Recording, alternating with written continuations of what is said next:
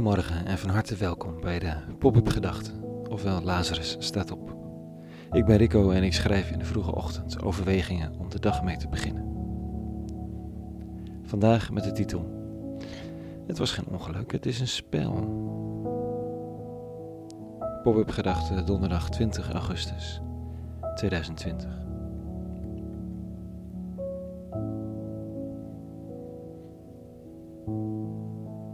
Nog niet eerder dit jaar stierven er zoveel mensen tegelijk als vannacht bij hun poging de Middellandse Zee over te steken. Vlak voor de kust van Libië ontplofte de motor van het overvolle bootje. 37 mensen werden gered door lokale vissers, 45 mensen verdronken, onder wie vijf kinderen. Terwijl wij sliepen. Het is een moeilijk te verderen feit en eentje die moeilijk onder ogen te zien is. Het is dat er nu zoveel mensen tegelijk stierven dat het even nieuws is.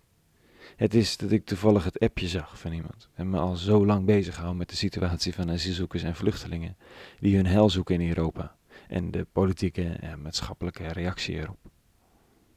Hoeveel van ons, Europeanen, zullen dit berichtje niet lezen, niet meer erdoor geraakt worden?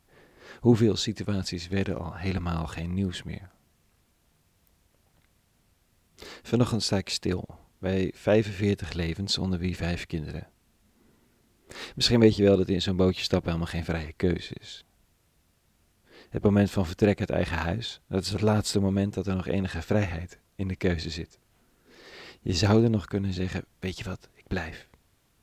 Maar de verhalen die verteld worden door mensen die het gehaald hebben, de honger of de uitzichtloosheid of het geweld thuis, zijn dan toch de sterke push- en pull factoren. En vanaf dan ben je een speelbal, een schaakstuk in een spel. Je moet betalen als je verder wilt. Aan loesje mensen die beweren dat ze grenzen kunnen omzeilen voor je. Je hebt geen garanties. Er zijn geen reviews op travelplanet.org. Als de reisorganisatie je niet aflevert, kun je niet protesteren. Als de reisagent je onderweg iets aan wil doen, dan spreekt enkel nog het geld. De smokkelaars spelen het spel met de regering van verschillende landen. En hoe dichter op Europa, hoe harder. De een probeert de schaakstukken over de grens te krijgen, de ander probeert ze tegen te houden.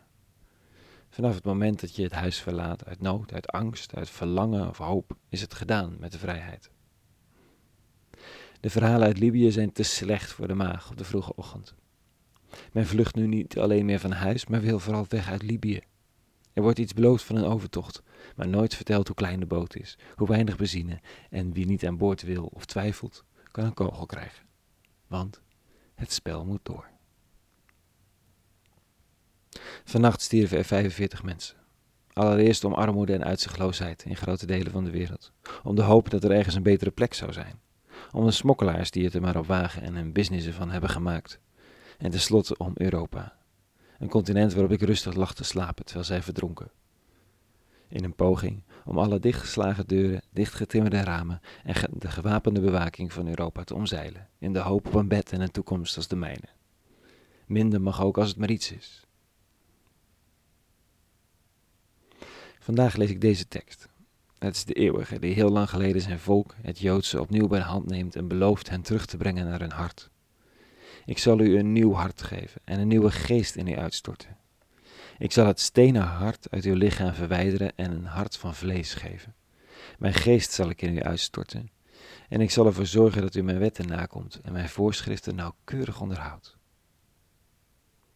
Een hart van steen. Het is niet zo heel moeilijk een verband te zien met het ongeluk vannacht, dat geen ongeluk was. Het zijn de kosten van het spel, een verloren inzet, bijkomende schade van Europese zelfverdediging.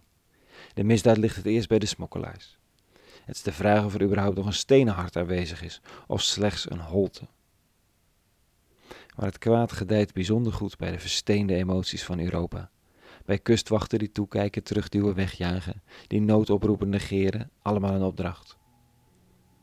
De stenen tafelen waarop ooit voorschriften werden geschreven voor leven en medemenselijkheid, zijn op veel plekken een stenen hart geworden. En ik,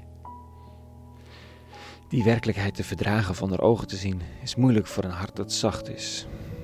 Durf ik het te vragen aan de maker van zachte harten, aan de grote stenen bikker daarboven, om een hart dat blijft voelen. Voor mezelf, voor Europa. Voor het goede.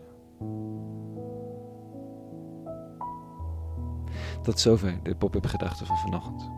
Met alle schoonheid en verdriet of frustratie die deze dag te bieden heeft, wens ik je vrede en alle goeds.